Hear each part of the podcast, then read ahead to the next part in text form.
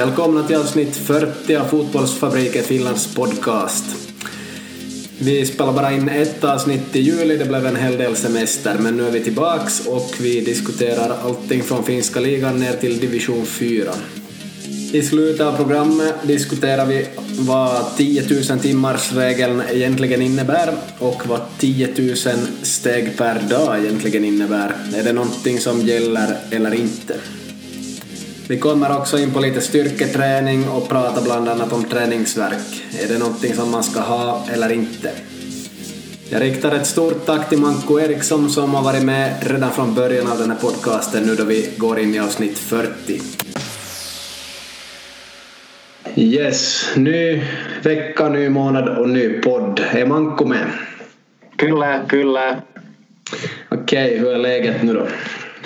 Det är riktigt, riktigt bra faktiskt. Det där den första så att säga riktiga arbetsdagen idag efter sommarlovet. Känns riktigt bra nu.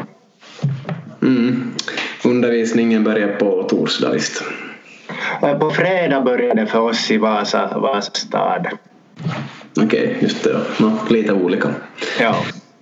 Ja, jag själv har nog varit igång sedan 3 augusti så inget nytt här. Yes. Annars då, hur går det? Har du varit med i mycket matcher och mycket träningar och allt möjligt? Uh, ja, no, vi har ju haft, haft kanske två matcher sen senaste podd. Jag vet inte, eller tre. Vi vann ju mot Kanu 5 eller 6-0 på bortaplan och sen, sen hade vi mot, mot ert lag FC Korsholm vann vi 9-0 och sen vann vi nu 6-1 mot Hoppet. Men att, att den där Korsholm-matchen så, så då, då spelade jag inte, då var jag till Power Park först på dagen så att jag kom först till andra halvlek och heja. Okej, okay. prioriteringar. ja, kyllä. Ja, Tänk att det var en ganska lätt match så att det, vilket resultatet ju också visar. Så. ja, ni, ni, har bra lag. Ni har bra lag. Det har, vi har mycket bra lag. Ja, nej, så är det. Så är det. Jepp, eh, juli var ju ganska tråkig månad i år om man ser på vädret. Det var ganska svalt överlag, ganska mycket mulet, en hel del regn och sådär. Och nu då vi spelar in är inte vädret det allra bästa heller men augusti och juni har ju nog levererat bättre än juli, eller hur? Ja, så är det och det visar ju väderleksprognoserna visar ju varmt uppehållsväder nu det där kommande veckan också så att det, det är nog trevligt att där i juni var det ju sådär tycker jag för egen del att man, man aldrig är man nöjd att då var det för varmt och sen blev det för kallt. Att, men nu är det kanske ganska passligt. Mm, ja. Och lyssnar, man till, äh, lyssnar man på det här i framtiden kan man ju tänka att med det här covid-19 så vill man inte resa så mycket utomlands, speciellt inte i Sverige så är det ju många som inte har rest till Sverige förstås. De flesta har inte gjort det och bara hållit sig i Finland. Och okej, vissa brukar resa till andra länder och sådär men att ganska lite resor och de flesta har hållits någorlunda hemma eller i eget land tror jag så är ju lite ovanligt ändå och ähm, åtminstone för mig hör det nog till att vara till Sverige varje sommar nästan så där har man nog tappat en rutin om man ser på somrarna lite. Mm. Som värst var jag faktiskt, ja no, jag har varit två, tre varv till Sverige vissa somrar. Som värst var jag en gång på cup, jag minns inte hur länge, det var kanske sju dagar. For med Viking Grace, åt buffé på ditvägen och hemvägen, kom hem typ på lördag kväll och på söndag skulle vi på semester med frun så, så på söndag blev det Viking Grace buffé andra dagen i rad. ja, ja, no, det var ju trevligt. Ja, och så några dagar där så minns jag inte om det var buffé på hemvägen, jag minns inte men det blev mycket på två veckor i alla fall. Mm. Yes, vi är inte sponsrade av Viking Line. Nej. Nej. men bra buffé har de. Yes. Okej, okay, vi ska gå in på lite divisioner och ligan här och sånt. Ta vissa saker kortare, vissa längre. Vi får se lite hur det blir men vi kan ju börja från ligan om vi kör en snabb inblick där. Har vi några överraskningar i finska ligan här i år hittills? Eh, uh, no, vi har ju kanske åtminstone två sådana grejer som jag tycker att man kan ta upp så det är just det här att uh, SJK har börjat ganska, ganska svagt och sen också att TPS har sparkat sin tränare men inte fått någon effekt på det. I övrigt så, så är det kanske eh, Helsingfors IFK har ju efter tränarbytet de sparkade ju den här norrmannen eller dansken eller vad han var och nu har de, har de det där åtminstone tre vinster och ett kryss på de fyra senaste matcherna så att där har tränarbytet minsann gett effekt Helsingfors IFK och det där. Sen i övrigt så HIK det där i toppen med Inter och Kups. Så att det håller på kanske, även om det är ganska jämnt så blir det en sån här Ja, det kan ju hända att HIFK ännu faller ur den här striden men jag skulle nu personligen säga just Inter, Kups, HJK Honka som, som är där uppe och sen, sen kanske det blir då Rops, DPS och Haka som slåss här i botten sen. Mm, ja, bra analys. Ja. Ja, äh, SJK hade väl näst högst spelarbudget och ligger nionde med sju poäng på åtta matcher så är ju nog problem i Seinäjoki som vanligt. Samtidigt är det ju små marginaler så Nåjo, HIK har 17 poäng så inte vet jag hur svårt det skulle ha varit för SIK att få 10 poäng till med vissa marginaler i olika matcher men, men de är nog där de är hur som helst så det är ju nog en flopp och så är det ju på nedre halvan av tabellen och de skulle väl ha eget slutspel i år, visst? Ja, det är en övre, övre slutserie och en nedre slutserie. Sen vet jag inte om det ännu kommer någon playoff-match där efter det. Vi får se om det är någon playoff-serie sen. Jag har inte heller koll faktiskt på det där. Yes, nej men inte så mycket överraskningar annars kanske på det viset men HIFK helt bra 16 poäng, 3 poäng efter Inter som leder och eh, en match mindre spelad så ganska nära ligaledning för HIFK till och med men det kan ju gå åt två håll. Ja, ja. Ja, om vi ser på division 1 då, har du varit och sett några matcher? Kanske någon VPS eller Jaro eller något? Ja, jag såg så nog det här eh, VPS mot Musa såg jag och ja, såg jag sen ännu jag missade sen den där VPS mot KPV och Kajana men men det där, det har ju gått lite upp och ner för, för VPS. Ja, och sen var jag mot SJKs juniorer, Akademia också och så. Och men att snacket där i, i division 1 är väl nog kanske den här Juntunen som har kommit in i, i KPV med buller och bång och först vann man mot, mot äh, SJK komfortabelt och sen så fick man stryk då igen mot Jaro. Och så sa han ju att om inte man springer på match så springer vi på träning. ja, det låter som 90-talet. Gamla, gamla skolans tränare. Så, så att där att KPV börjar vara lite kanske borta ur det här Eh, uh, uppflyttningsdrömmarna medan Jaro som ju vann VPS med stora siffror i allra högsta grad nu blandar sig in att man har vunnit mot, mot VPS och KPV med stora siffror inom en vecka så att för Jaro går det bra. Mm. Ja, så är det. Eh, jag sitter när VPS mot KPV och KPV hade nog knappt en målchans i hela matchen fast de fick en straff där och gjorde mål. Så VPS var ju väldigt bra i den 4-1-segern. Sen desto sämre mot Jaro. Och KPV förlorade som sagt stort mot Jaro också. Så, så, så med den här nya tränaren tror jag nog inte att KPV blir så mycket bättre och jag tror inte att han blir någon långvarig där heller. Faktiskt. Oulu har ju gått bäst och leder ju. Eh, Musan Salama på andra plats, lite överraskande men ja, det känns som att Oulu kanske är bäst hittills och Övriga ligger lite därefter medan Jaro ser väldigt pigga ut just nu. Ekenäs hade jag kanske förväntat mig lite mer av men det är nog bara sex poäng efter Oulu i och för sig. VPS ähm, har ju inte hur bra bredd som helst på truppen utan är nog 11 kanske som är helt bra division 1-spelare och eventuellt någon till så den där bredden saknas ju nog och det måste ju nog kännas lite på träningarna också att inte kvalitet över hela laget. Ska man spela 7 mot 7 så har de ju nog inte kanske 14 bra spelare på plan i så fall och ska de spela 11 mot 11 på träning har de ju verkligen inte 22 bra spelare så ja finns en del att bita i där för VPS men att i och med ekonomin och allt så är det väl helt okej okay att de hamnar någonstans på plats 3 till 6 säkert och vad jag har förstått på Jaros ekonomi om de far upp till ligan så kommer de ner med Me kommer ner till ettan och har mycket skulder i så fall är ju nog gissningen där som många inifrån Jarro har sagt så jag tror inte att Jarro vill stiga men vi får väl se vad de hittar på saker och ting kan ju ändras både med ekonomi och annat. Första platsen är ju direkt upp och andra platsen är ju en kvalplats i division 1. Bra, ehm, vi hoppar till tvåan då.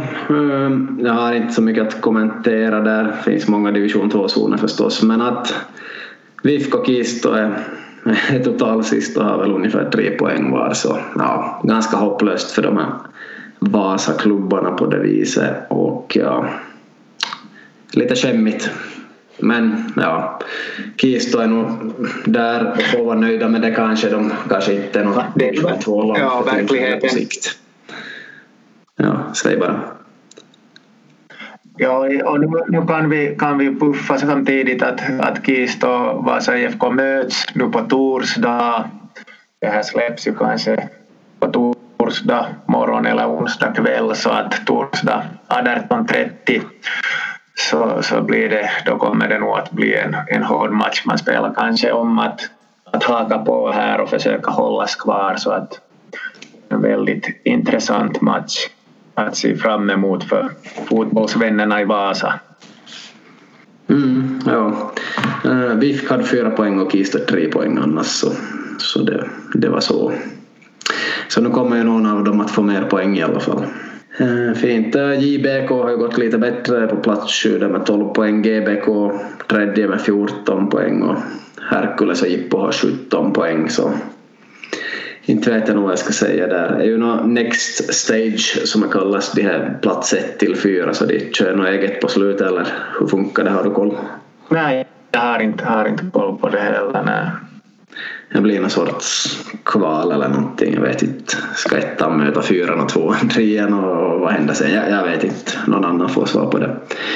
Men två sjunker och just nu är det VIFK och Kisto men vi får ju se om det kan ändras ännu känns nog som att IFK har ganska många bra spelare men vissa som inte borde vara där och som ibland är i öppningselvan utan att nämna namn så det, det eh, ja, många ser nog ut som ett frågetecken och de ser något namn i öppningselvan ibland. Och ja, IFK kan tyckas vara lite felbyggt men det är ju ekonomi och allt möjligt som styr förstås. Kist och kungar i trean men i tvåan är det inte lika lätt så ja, knepigt. Skulle kanske ha behövt några bra värvningar från högre nivå. Kanske någon gammal ligaspelare eller någon som ska behöva sluta och komma dit eller något, jag vet inte. Men de ser inte ut att räcka till för tillfället. Och, eh, målvakterna är ju inte dåliga men finns bättre målvakter i division 2 också vill jag påstå. Och målvaktsproblemet ehm, eh, i Vasa är nog ganska stort egentligen att det finns inte så där jättebra målvakter och inte många av dem heller. Kanske vi har sagt förr också men, men det är nog min åsikt i alla fall. Yes, vi hoppar ner till trean. Har du sett några division 3-matcher på sistone? Eh, jag var så på äh, måndag tror jag det var så var jag och så eh, äh, VBs Akademia mot Sundom IF en riktigt mm. trevlig ställning faktiskt. Så det slutade, slutade 1-1 den här matchen och, och, det var väl ganska rättvist sett i matchbilden att Sundom var bättre i första och sen var VBS bättre i andra, delvis kanske tack vare en utvisning på en Sundom-spelare men men att riktigt intressant att se det här nya Sundom. De är MLS-rutinerade Mike Banner på topp. så så det, mm. där, det var roligt att, att se hur, hur man jobbar, jobbar i, i Sundom. Ja emellanåt är det sådana intressanta spelare som dyker upp i de här lägre serierna.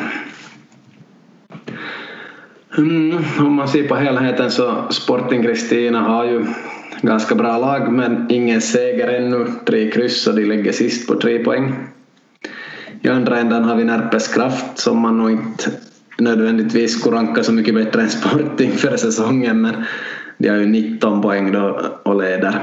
KPV kan gå förbi, de har en match mindre spelad, ligger på 17. Här har vi Norrvalla och Sundom på 12 poäng. Norrvalla som inledd serien lite dåligt och har tre förluster så är ändå tredje i tabellen just nu och Sundom där på samma poäng, 12 poäng. Så helt intressant. Kaske som inledd jättebra så har nu ändå lyckats förlora fyra matcher. Och VP, Snick, VPV och Korsnäs och Säripotku kommer därefter. Um, ehm, Korsnäs hade ju en ganska bra start på serien men nu har det gått sämre med flera raka förluster där. Ja, det är sant och det börjar ju nu börjar närma sig den här övre och nedre slutserien så att nu är det nästan som cupfinaler här nu för Sporting och Korsnäs som, som ju kanske möts tror jag i, imorgon också. Ja, de möts ja, på torsdag ja, klockan 19 i Korsnäs. Ja. Kan bli en del publik där. Ja. Och en snabb titt på målbörsen så har vi den här Lukman från Norrvalla på 11 mål där och så har vi Jonas Granfors och så har vi Kula där från Nick och så har vi Böling och Mujkic och Peter från Kraft plus några andra sen så är nog sådär halvkända namn där i toppen av trian som har gjort bra några säsonger på olika ställen.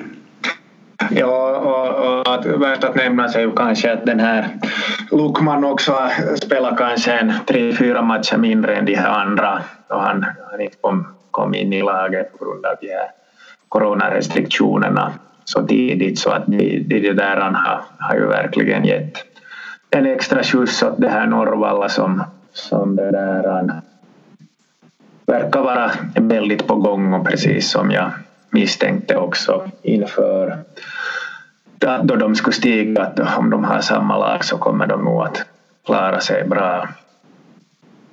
Mm, ja. Jag ska förvänta mig lite mer av Sundom än 12 poäng av 21 möjliga. Men jag vet inte, kanske det är deras hemmaplan som, som spökar lite. Jag tror de är för bra för sin hemmaplan om man kan säga så. Och de brukar ju nog såga den lite själva ibland. Då. Ja, när jag såg just hur, hur de spelar så, så det där, det skulle nog vara bra för dem att spela på, på storplan också, är min lekmananalys så här i förbifarten åtminstone. Ja. Eh, KPV Akademi hade jag ju ingen koll på förra säsongen men de verkar ju helt bra i år. Tydligen, de har inte förlorat en enda match ännu här på sju matcher ens. Två kryss har de. Ja, Kraft, Kraft var ju där och försökte såga hål på dem men de lyckades inte heller. Mm, ja, precis. Så vi får se, se hur det går. Det är jämnt där vid strecket kring vilka som går till övre slutspel och så vidare. Yes, vi går över till vår favoritdivision 4 då. Ja. Manko får ordet först. ja, där har vi ju, där har vi ju det där äh, SJK äh, i förarsäte för tillfället och sen har vi äh, det där äh, Kungliga Vasa och Virke på delad andra plats Sen kommer ett litet mittenskikt och sen, sen jag har inte tabellen här i huvudet så om du berättar om du får fram den hur det ser ut i botten. Ja, ja i botten är det Korsholm, Kanua Kuffen på tre poäng. VPC ja, på fem poäng så det är, det är nog de fyra lagen som slåss om att inte komma bland två sista som faller. Ja, och Kuffen har lite förstärkt på sista tiden vad jag har sett nu när jag går min dagliga genomsökning på Pallolit. Ja, Hugo vill föra tillbaks efter något mellanår här. Att han har ju lugnat ner fotisen lite men han borde nog vara helt bra på division 4 nivå. Vad han än har ha gjort de senaste åren. Hade de någon annan förstärkning också eller? Ja, jag tycker att eh, det var några nu gamla namn så att säga som har dykt upp där i spelarförteckningen. Jag, jag har inte riktigt på minne nu till, till berättade men att man kan, kan själv gå, gå in och kolla det. Men att de, de verkar nog satsa åtminstone på att hållas kvar. Ja, inte det är ju nog många som vill sjunka från, från fyran, inte för femman är så pass mycket sämre. Men, men Hugo vill föra nog ända nästan jag känner igen där Sen kan det vara någon som jag känner igen som är ny också och förstärker. Yes, och i mittenskiktet finns Kraft och IJBK hoppet och Ponnistus kan man säga. Strömsö lite före där på plats fyra. Så det är nog mittenskiktet och kan ju gå igenom snabbt. De här lagen SJK spelar bra, inga förluster än. Kungliga en förlust, riktigt bra. Virkia en förlust, riktigt bra förstås. ABC Strömsö något sämre, två kryss och en förlust. Ponnistus överraskar mycket, ligger på plats fem. Vad jag nu har sett av dem själv har de ju aldrig spelat något bra, slår långa bollar på stora spelare och hoppas på det bästa, har väldigt få målchanser men gör tydligen mål på dem och ja, Eh, knepigt hur Ponnistus kan ha så mycket poäng tycker jag. Jag tycker de skulle kunna höra till botten men tydligen inte. Hoppet där i mitten. Ja, vad ska vi säga? Det är väl ett mittenlag. De är lite som ABC men långsammare skulle jag säga. Lite större spelare kanske också. Är det en bra analys? Ja, och, och, kanske framför, de är väl kanske som en, en fem år yngre variant av Strömsö kanske. Yngre variant, jag skulle säga äldre. Ja. Du menar att spelarna i, i Strömsö är yngre än de i Hoppet? hoppet. Mm, ja, jag skulle säga det. Ja, no, no, ja, ganska samma ålder. Kanske lite högre medelålder skulle jag sätta på Hoppet nästan. Ja, okej. Okay. No, det varierar. De har ju flera olika åldrar så inte vet jag. Någon annan får räkna ut det där. Ja. Det känns lite långsammare för mig i alla fall. Och ja, har... och inte, fast, inte bara för att man är yngre, inte måste man ju, inte det är ju samma sak att en yngre är snabbare. nej, nej, så behöver det inte vara. Mm, ja. Och om vi ser vidare, IJBK 7 poäng på sex matcher är nog som skrämmande dåligt måste jag säga. Jag har inte sett så mycket av dem. Såg dem mot oss då de gjorde en ganska normal halvlek och en bra halvlek. Det var första matchen i år så svårt att säga något där. Det var ju ändå man har inte spelat träningsmatcher alls i princip så det var ju speciellt men mot SJK var det riktigt bra en halvlek, förtjänade nästan att leda i halvtid och det var 1-1 men så föll de med 4-1. Och efter det så har de nog floppat i ett par matcher här, förlorat mot Kuffen bland annat så jag vet inte vad som pågår där i JBK är mycket överraskande måste jag säga. Ni har väl inte mött dem ännu? Nej, vi har inte gjort det. Nej. Ja, precis. Yes, och ja, inte har jag nog så mycket att säga om övriga lag. Man kan gå in på eget lag här om en stund, men kanske du vill säga någonting här emellan?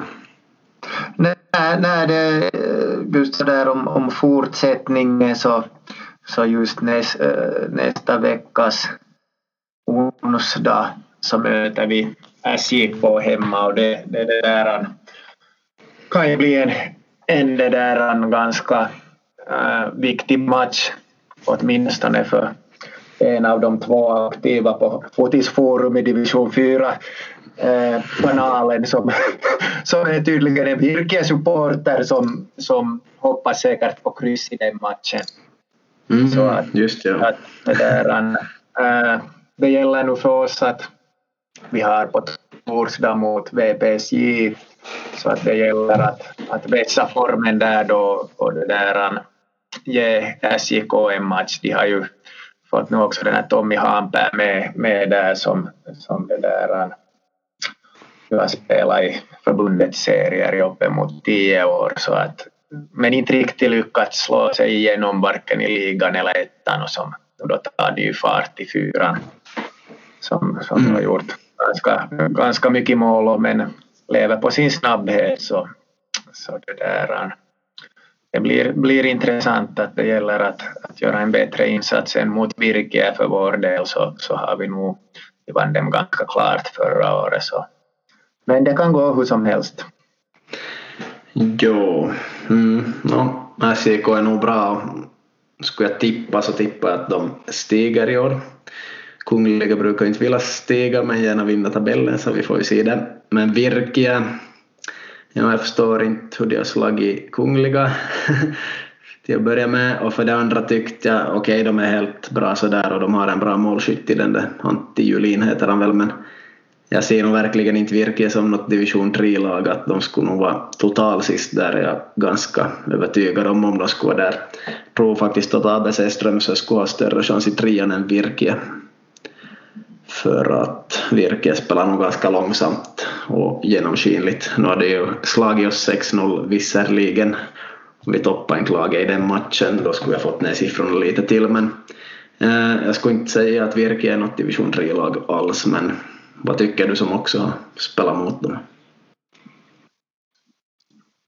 Äh, no, det där, mot, mot oss var de nog väldigt, väldigt det där, duktiga så att det där, ja, men att jag såg, såg ju inte den här er, er match då, har inte sett heller några laguppställningar så, men att, mm. att de, de var nog riktigt bra, bra mot oss även om vi, vi inte var på topp så, så ja, Ja. Ja, det är ju lite vilken start man får i matchen. Fick ni en dålig start? Ja. Tidiga mål eller? Ja, de lagade mål efter en minut på hörna. Ja. Ja, ja, så 2-0 kanske inte så sent ja. heller. Ja. Men det är ju det också med den där starten på en match. Uh, vi höll oss ganska bra mot dem, de skapade inte mycket chanser i början, sen fick de en straff där vi gjorde en knuff i ryggen som var lite dum på en höjdboll som knappast skulle blivit mål, så där hade 1-0 på straff. Sen har vi en frispark som går via två spelare och in i mål, så det var, det var 2-0 och de hade väl inte i princip haft en målchans i det skedet än och då var det kanske cirka en halvtimme spelat. Och Kanu hade ju 0-0 i halvtid också mot Virkia här, fast de förlorade med, ja de släppte väl in fyra mål sen. Men att ja, inte, inte vet jag nog om Virkia är så där överdrivet bra. Vi backade hem mot dem och vi använde många spelare, vi använde 18 spelare i den här matchen för att vila lite inför match två dagar senare men att ja, no, jag vet inte. Jag skulle inte säga att de klarar sig i trean med dagens manskap. De skulle nog ligga total sist tror jag där i trean i alla fall. Medan då SJK tror jag skulle ha en viss chans att utmana och ta sig upp några placeringar i trean. Mm. Så Mm. Um, ja, no. för egen del, Korsson ligger sist, en seger, sex förluster. det finns jättemycket att kommentera om man vill om det här. Jag tycker vi har ganska bra lag, ganska bra spelare åtminstone, sen ska man ju kunna spela i lag. Och förstås vara på träning är viktigt. Många av de här sakerna funkar inte ypperligt. Men skulle man gå tio år bakåt i tiden och se på division 4 så skulle nog vårt Korsholmlag ligga ganska högt så på det viset kan jag nog säga att fyran har blivit bättre och tuffare. Även om några bottenlag inte så klart är lika bra som de övre men att det har nog blivit tuffare fyra och tuffare trea här på tio år. Det säger jag absolut. Sen har vi haft vissa problem med domarna. Inte med alla domare. Det finns också bra domare men där pratar vi mycket om integration och att behandla människor och att visa respekt för folk och allt det här. Eh, där har vi både oss ledare och spelarna och motståndarna och alla som måste kunna bidra till det här, men också domarna. Och därför har det varit mycket diskussioner. Själv har jag skrivit tio och en halv sida på, på engelska och skickat åt alla domarchefer och diskuterat det här med integration jag har själv varit med och fått en del utbildning via Folkhälsan på en kurs. De var från Idrott utan gränser och allt möjligt här för cirka ett år sedan och berättade om vad de gör i Sverige och även i Helsingfors och lite här och där. Visst har vi pratat om det där förr? Ja. Precis. Och så har jag diskuterat med folk på Folkhälsan och sånt och de håller nog med och stöder allt jag har skrivit. Och det visar nog sig att domarna inte får något riktigt mycket verktyg för att göra något annat än att döma och lära sig regler och förstås konditionstest och sånt enligt de domare jag har pratat med på sistone. Så inte får de så mycket verktyg så inte vill jag såga domarna desto mer. Klart man kan vara arg efter någon match. Jag har nog hållit mig ganska lugn här i två år tycker jag nu men vissa domslut blir lite för mycket för att man bara ska vara schysst. Och då vill jag säga till men inte på så vis att man bara lämnar och är arg utan man ska se att det kan bli någon förbättring. Och därför måste man då hitta någon väg att få med de här domarna på tråden att ge lite utbildning i integration och behandla människor och förstå kultur och visa respekt och allt det här. För det funkar uppenbarligen inte och det är nog väldigt många som är inne på samma linje som mig kring det här. Nå, det har inte varit det som har avgjort slutresultat desto mer kanske att det varit höga siffror inom matcher och sånt men att jag tycker överlag att eh, överlag har mina spelare betett sig bra. Med ett undantag igår, för igår måste vi spela väldigt hårt mot ABC Strömsö i Vasklot på den där lilla planen så det var en ganska tuff match med mycket hårda tacklingar och knuffar och allt sånt här som det kan bli vasklot ofta. Men Strömsö var ju som tur var ganska bra på att ge tillbaks. så det var så ömsesidigt och domaren hade ett bra spelöga där. ja, just det. Så det var vad det var. Domare med bosnisk bakgrund där dessutom. Så man, eh, ja, så det är ju inte att det är någon finländare som står och blåser allt han orkar i pipan bara åt ett håll. Någon tyckte att han var orättvis, drog mot ABC, men där gick jag nog in och sa att nej, så är det inte. För eh, deras ena ytter gav ganska mycket stryk åt vår ena ytter, men just den där deras ytter fick ganska mycket stryk av oss andra i vårt lag, så det blir som jämnt i slutskedet och domaren vet nog det. så ska man plocka ut vissa tacklingar och knuffar ur den där matchen ur sitt sammanhang så ja, man skulle nog få en riktig parodi av den där filmen. Här en, en före detta elev som spelar där också som, som knuffade omkull mig eller tacklade omkull mig lite dumt i ett skede av matchen och jag sa, jag sa åt honom att om en stund så ligger du.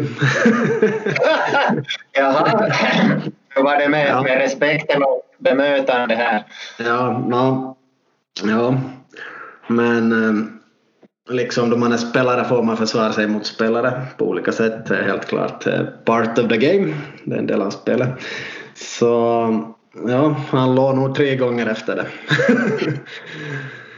Sista tyvärr med gult kort men inte att jag skulle ha något emot honom. Vi är, vi är nog vänner och vi talar nog efter matchen och sådär. Så det är nog en del av spelet och det var nog inte jag som fällde honom varje gång. Men att Mm, ja, det är stor risk att få tillbaka om man gör någonting extra tyvärr. Speciellt i sådana matcher med liten plan och lite spel. Båda lagen pressar jättehårt så backlinjerna har typ en sekund med bollen och jag måste få på en beröring nästan hela tiden från dem. Och ja, det blev nog inte så mycket spel i alla fall. Men desto mer ropande även från en stor publik där. Och ja, allt möjligt. Så ja, folk vill att man ska skämmas för vissa grejer man gör där men de gör nog också dumma grejer och sådär och det som sker på plan gör man ju som spelare och det är taktiska saker inblandat och sådär så, så fast folk tycker att någonting skulle vara fult eller dumt eller att någon skulle skämma ut sig så det, det håller jag inte med om. Jag kan nog bara skratta åt det efteråt och förstås be om ursäkt om man har gjort något extra dumt. Sen var det mycket psykningar som jag inte har varit med om på länge. En, en spelare lite längre än mig, lite längre hår hade han alltså. Han försökte lite springa in, in i vår målvakt en gång så jag flyttade lite på honom och det gillade han inte och så då man kommenterar något domslut sa han att vad håller du på och gråter och sådär. Det är ju helt normalt men vi har inte sett det där på länge i år men uh, efter att jag sa att sköt ditt eget du och klipp håret så då sa inte han något mer. ja. Så det är ju sånt där som hör till som psykningar på plan. Sen finns det ju inte efter matchen och det vet nog alla. Jag satt ju i bastu med dem där i fjol efter vi hade varit där och spelat så inte är det ju på det viset någonting. Men att man måste spela sitt spel då man är inne på plan och äh, det finns en hel del taktiskt i både psykningar och att spela hårt och sånt ibland. Så, så det är där. Och nu hade ju fått lite kommentarer om de inte fick allt kommenterat igår. Har ni haft några tuffa matcher eller har det varit sådär fair play och mycket spelbara eller? Uh, den här säsongen eller? Nå, den här säsongen tänkte jag nog främst men ja. får du dra upp något gammalt om du vill. Ja, nej, nog, nog, nog det där. Nu tycker jag att det har varit det är just det där. Ja, ja inte nu på det sättet något no riktigt, riktigt extra men att, att just det, det som kanske inte man tycker om så mycket just om man är på och börjar härja åt domaren direkt från, från första, första minuten om något domslut går emot en och så, så kan man se då att fast hur de där domsluten är så kanske de här spelarna inte, inte ser vad som riktigt har hänt så, men ändå så, så det där han gnäller så att, så att det är ju som, som jag brukar säga de tio senaste åren att, att domarna är som tas om mukaan att om man har bättre domare så spel högre upp då. no, där, där slogan, jag ska nog kanske börja tatuera in men men, men nästan. Så att det där ta som mukaan är domarna också, att det kan, kan gå det där uh, hur som helst. Så, så men lite sån där, ja en del Ja, no, inte någon som riktigt har kokat, kokat över som för, för något, något år sedan men ja, nej. Mm, ja, förstår. Och ähm, det är en sak att döma mycket fel, det är en sak att göra olika beslut, men om man behandlar människor dåligt och eh, aldrig kan förklara sina domslut så den där respekten försvinner hos spelarna ofta, speciellt hos spelare med utländsk bakgrund har jag märkt. Jag har gjort undersökning med ett femtontal spelare de har fått eh, säga eller skriva ner exakt vad de tycker. Och, och faktum är att fast domaren dömer en sak så om man frågar vad han, varför han dömde och han säger något, om man är av annan åsikt så det blir mycket bättre slutresultat ändå fast man är av olika åsikt för då har man åtminstone den där respekten att man fick ta diskussionen. Medan många, eller vissa domare inte tänker förklara någonting överhuvudtaget och bara gör handgester och visslar hårt och, och är otrevliga och sådär så det, det funkar inte speciellt i motspelare med utländsk bakgrund för de har upplevt mycket orättvisor i sina hemland många av dem och nu är de här och då ska inte komma orättvisor här också. Där citerar jag någon som jobbar på folkhälsan bland annat och jag håller med om det där och jag kan nog förstå det. Sen var det någon som spottade på en av våra spelare två gånger igår så det är ju på en helt annan nivå än tacklingar och att dra i skjortor och sånt så, som det stämmer så var det ju nog över gränsen. Eh, helt fel och alla sorts hot och alla sorts våld och allting sånt där hör ju inte till fotisen överhuvudtaget. Sen måste alla göra sitt bästa så kanske man får saker att funka så bra som möjligt och tycker att vissa krav måste nog vara på domare också. De har ändå det där som ett sorts deltidsjobb och i trean kan de väl förtjäna uppemot 100 euro på en match. Vissa till och med om jag förstår rätt, åtminstone med bensin, bensinersättning till det. Så, så någonting ska man nog kunna kräva av någon som får så pass mycket betalt. Yes. Men som sagt, som du sa, så klart det blir bättre domare i division 2 uppåt om man får dit och spelar. Men att krav på att det är någorlunda bra bemötande tycker jag ändå. Man kan också se att spelare är... Ja, bemötande är nog det där som, som jag sagt att det där att man ska, ska bemöta alla människor i respekt i familjeliv, professionellt och inom idrotten. Och ännu som litet positivt tillägg här så, så, så det som jag åtminstone uppskattar så det är när, när just att jag är sådär att, att om, om, om det blir, blir nå, nå, någon felbedömning som jag anser och som jag är det där äh, väldigt det där säker på så, så det där så härjar jag nu till lite och sen kan domaren vid någon hörna förklara då att hur han tolkar det eller, eller så vidare. Det där, så att det uppskattar jag nog väldigt, väldigt mycket när man får, får förklaring att, att, jag, att jag måste reagera så här snabbt så att inte, eller så här starkt så att inte matchen skulle spåra ur eller, eller jag måste visa exempel eller något sånt här eller jag såg inte det där riktigt ordentligt eller jag upplevde det här så där eller så där. Så att det, mm. det är nog väldigt, väldigt det där trevligt när, när det går till så. Ja, det finns ju de som förklarar allt, det finns de som inte förklarar något och så finns det de som förklarar lite. Så det borde finnas någon gyllene medelväg där. Då vet jag inte vad det ska vara. 65 procent eller något, de borde hitta något, ja, någonting som passar för en match där då. Ja, ja. För det kan bli bara diskussion om man förklarar allt också. Ja. Yes. Mm. Så jag, kanske vi är färdiga med divisionerna och kan konstatera att vi inte har så mycket koll på femman och att i sexan så hade BK48 en jättestor publik nyligen här då de hade lite evenemang med Kai Kunnas och bröderna Sparv på plats. Ja, det var väl nationellt rekord i division 6 vad jag förstod. Mm. Vad var det någonstans runt 500 kanske? Det var kring 500 ja. Ja, där någonstans ja. Så. så bra jobbat BK48 och får se om de stiger från sexan. Eh, nog om fotisdivisionerna för den här gången. Några saker till som vi kan ta upp som är kanske mer brådskande från vår långa lista. Och det är att vissa tror att eh, 10 000 timmar räcker bra för att bli proffs på en idrottsgren. Eh, du var ju med på min föreläsning med genforskning, x antal sidor powerpoint i fjol, så vad säger du om 10 000 timmars regeln? Ja, det, det, min, min e-post har fått något virus så jag har inte läst den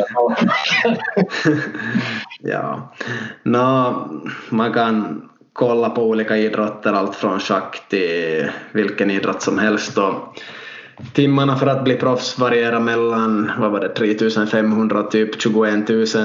Vissa kan bli proffs på piano eller schack eller någon idrottsgren på 3500 eller 7000 och någon annan kan behöva 21 000 så det är nog helt, helt olika och de där 10 000 timmarna som kommer från den här svenskens bok så han har ju nog själv också gått ut med att det är inte det är inte en sanning utan det är nog bara en ett faktum eller, eller mer ett ordspråk som hade kommit upp och som var någonting han siktade på så där så, så är det helt onödigt att fokusera på timmarna. Sen kan det vara jätteroligt att räkna timmar säkert på något vis och se hur mycket det krävs i slutändan men att de där timmarna betyder ingenting. Där kan man ju samtidigt ta upp det med 10 000 steg per dag. Du har hört om det kanske någon gång att det är sådär 10 000 steg per dag är bra eller något visst? Ja, ja sen hörde jag också att Cirque de Soleils det där akrobater hade så starka ben för att de gick 14 000 steg även upp i åldrarna. Men ja, 10 000 steg bör man ju nog alltid nu som då. Ja, och det där kommer från, jag minns inte exakt, men det var nog någon, var det någon undersökning eller något sånt där, möjligen någon allmän rekommendation, men det, jag tror inte att det var ens på den nivån, så det där 10 000 steg per dag, så det, det är nog bara ett påhitt.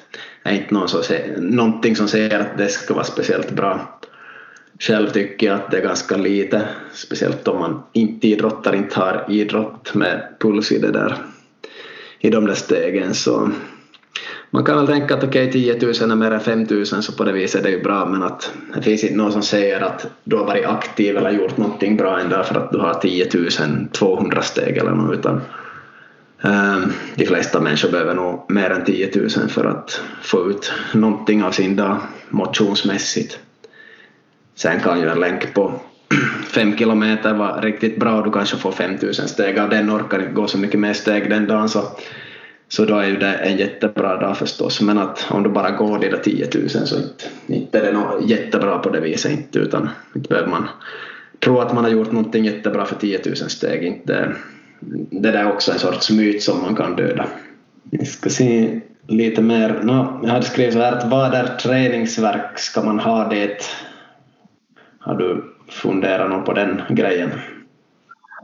Äh, uh, Nå lite funderar jag nog och nu, nu när man har hållit upp med någon gymträning och sånt så nu känns det ju alltid bra men sen började det nog fladdra förbi några Instagram grejer, bilder där det stod att inte, inte måste det verkligen vara träningsverk för att det ska ge effekt. Inte har jag hunnit fundera något desto mera.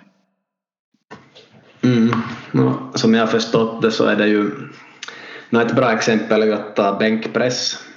Om man inte har lyft bänkpress på länge, börjar gå på gymmet första veckan eller första gången, lyft, ha lite mycket vikt på, pressa sig hårt och tycker det känns bra på alla vis. Sen, när man, sen har man träningsverk en vecka eller åtminstone fyra dagar och det som händer är att sådana nervtrådar brakar och det är bättre om de inte brakar av för de måste som byggas upp på nytt och är därför man har träningsverk flera dagar och kan inte träna de, de, de där musklerna eller man vill inte göra det i alla fall så, så man kan tappa en del träning på det viset. Om man har till exempel hård träningsverk sju dagar så kommer man ju inte att träna dem där en andra gång. Sen kan man ju träna med bara stången efter några dagar för att få eh, lite rörligheten igång och sådär. Så så så i princip är det ju negativt eftersom de där trådarna brakar och ska byggas upp på nytt, så kan man tänka. Sen om vi ser lite mer på fotboll så om man är någorlunda i bra skick och höjer nivån passligt vartefter så ska man inte ha något riktigt hård träningsverk efter något pass. Matcher brukar ju kanske kännas lite extra men är man i bra form så ska man ju kanske ha två träningar per vecka vecka som är ungefär lika hård som en match nästan. I alla fall en träning en match per vecka, så det ska ju inte kännas så otroligt. Nu skulle jag påstå att jag är i ganska bra form själv, så de här 90 minuters matcherna känns inte i år desto mer i min kropp faktiskt. Lite, lite träningsvärk efter 90 minuters spel, men ytterst lite, så då känner jag att jag är i bättre form än många andra år. Så svaret är väl att man ska väl inte riktigt komma till träningsverk bara ytterst lite i så fall, inte en sån där riktigt grym. Och tar jag ännu magmuskelträning, man har inte tränat magmuskler på länge, plågar dem hårt med tyngder och allt möjligt så där kan man ju också ha träningsverk sju dagar och då kanske man inte vill träna så mycket magmuskler så där tappar man ju åtminstone något pass med magmuskler. Så, så träningsverk, nja, skulle säga att bäst om man inte har det, om man klarar sig att träna passligt eller passligt hårt på de hårda passen utan att få det så är det bäst. Något du funderar ännu där? Nej. Yes, vi ska se ännu någonting. No, om man kan välja mellan att väga mycket och se stark ut, alltså båda upp sig som någon skulle säga, man styrketränar mycket, blir tyngre, har stor kropp, så det är inte det smartaste ur folkhälsosynpunkt om man tar ett sånt begrepp. Det är smartare att satsa på kondition och, och vara ja, lätt och snabb eller ha bra kondis och väga lite mindre, även om man inte ser lika stark ut. Sen kan man ju nog forma musklerna lite på en lättare kropp också. Så var och en måste välja själv, ska de bli stor som ett hus eller ska de satsa lite mer på kondition och se lite mer ut som ja, kanske en fotbollsspelare eller någon kampsportare som är sådär smidig och snabb eller vill man vara sådär stor. Så ur hälsosynpunkt så är det ju bättre att inte vara sådär stor i så fall. Har du funderat på det där någon gång? Nej, no, det är ju det är som vi brukar säga här i podden att måtta, måtta med allt det där. Att det är ju klart att var, var går den där gränsen? Att, att det, det tycker jag ju nog att vara just som någon Arnold Schwarzenegger så förstår kan man ju tänka att, att inte så hälsosamt i längden och, och så vidare och inte kanske någon, någon, någon riktigt så här tunn maratonlöpare eller cyklist heller men att någonstans där, där mitt emellan kanske mångsidighet är kanske någon sorts nyckelord. Mm, ja. Jag ska berätta en sak om styrketräning som har forskats fram och det är just att då tonåringar eller nybörjare, också gymnasiet, börjar styrketräna så um, om man vill ha dem att lyfta 13 gånger av någonting, kanske med 60-70 procent av en viss vikt, och de borde göra det där och de är ovana i början så Eh, som visar sig att de vill inte riktigt göra det då de är ovana utan de skulle vilja ha tid att träna upp sin teknik med att lyfta vikter och sånt. Så då har det visat sig att man borde ge dem tid och att de får ha mycket mindre vikt på i början och, och öva upp tekniken. Och då de sen känner sig säkra så då, då vill man få dem till typ 60-70 procent av maxlyft, alltså ett RM, det som man kan lyfta en gång som maxvikt. Så att man ska ge tid där åt ungdomar, speciellt och nybörjare, så, så kommer det lättare sen, har forskning visat nu. Men jag tycker att för 25 år sedan i jordbanehallen så var ju någon som tog fram någon keppi och körde någon sån där keppijumpa och sa att det ska ni kunna ordentligt. Att, att, eller är det som spritt språngande ny information det här? Mm. Nej, no, nog tror jag alla, alla har tänkt på det där med teknik men att jag tror man kanske lägger på för mycket vikt för snabbt. Ja. Kanske man har styrketränat två veckor och lyft någonting och så ska man mitt i allt börja kunna göra det där då 60-70 procent 13 gånger eller något. Ja. Som, jag vet inte om det är ny forskning men det, det är nog en ny undersökning i alla fall som säger att det är som är tydligt med ungdomar. Så hur länge det nu tar då, det, det är kanske mer på mentala planet och att de kanske vill ha lite vikt en hel månad eller något längre tid innan, de, innan man ska börja trycka dem mot att få de där procenten som man vill ha. Trevligt att ni har lyssnat så här långt. Sätter in en liten reklam här emellan. 6 november blir det läger vid Norrvalla från Pesses fotbollsskola. Ett samarbetsläge med Folkhälsan. Och det är för juniorer och det är övernattning en till två nätter. Som det ser ut just nu blir det kanske till och med två nätter. Så det är bara att kolla upp infon och anmäla sig dit småningom. Eh, det är också meningen att tränare ska få ett läger här 7 till 8 november, så mer info om det senare. Om det blir av är inte helt klart, men vi hoppas på det. Lite kvar av podcasten ännu. Träna biceps icke-dominant hand, alltså den andra handen. De övervakar det här i flera veckor, en undersökning, och 5 ökar inte i muskelmassa alls, 10 ökar 30. Så det är som helt olika på människor. Och så gjorde de tester innan och efter med 600 deltagare och man funderar att det är genetiken som ligger bakom det här. Enäggstvillingar hade mer lika resultat än tvåäggstvillingar och man har tiotals av dem i test också och generna är nästan samma och skillnaderna var ändå tydliga så det är någonting annat än gener som spelar in här. Så det måste alltså vara miljö om man har följt med lite i genetik. Så här tänker jag då själv att alla ska tränas på olika sätt för att, för att få ut det bästa av sig. Så lycka till med att ha cirka 20 fotbollsspelare och alla ska tränas på olika sätt för att få ut det bästa av sig själv. ja, ja, eller elever, kyllä. Mm. Mm, ja. Så.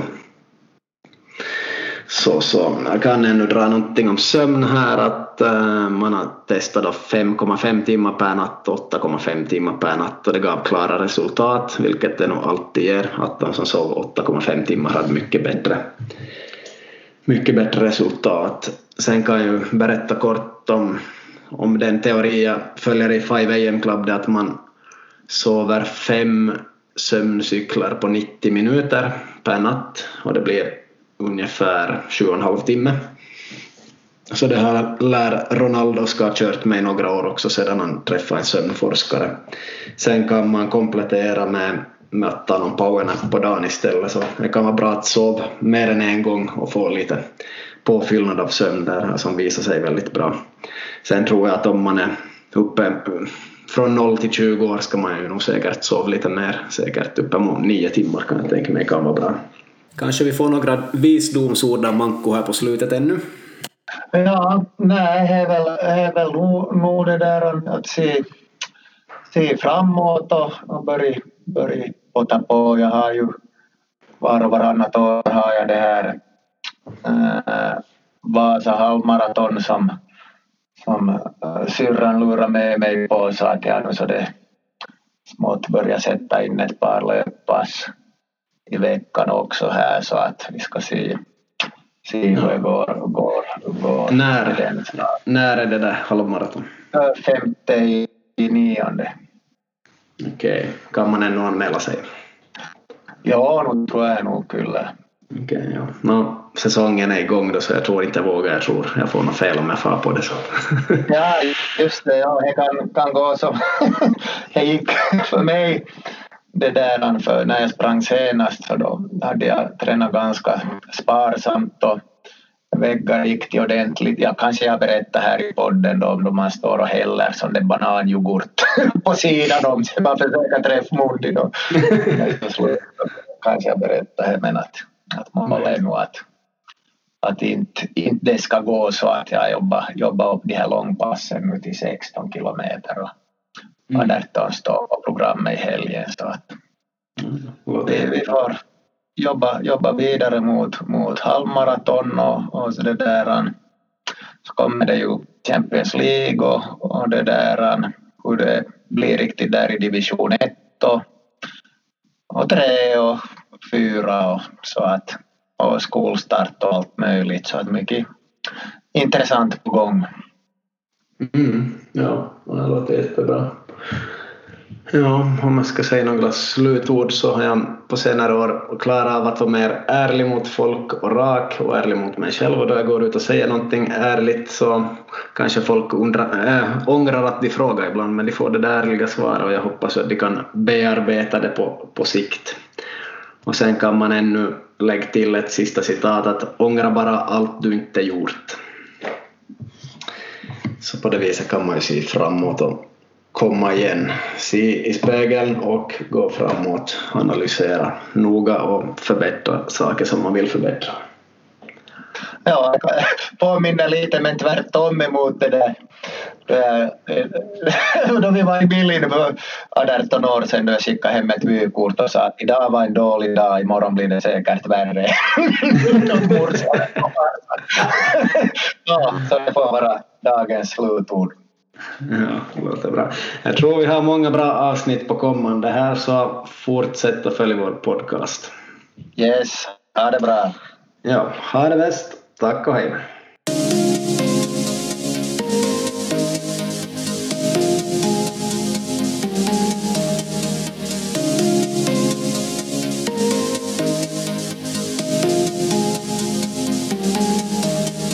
Samarbetspartner i avsnitt 40 är Vasa Sports Club, Finlands största och bästa gym.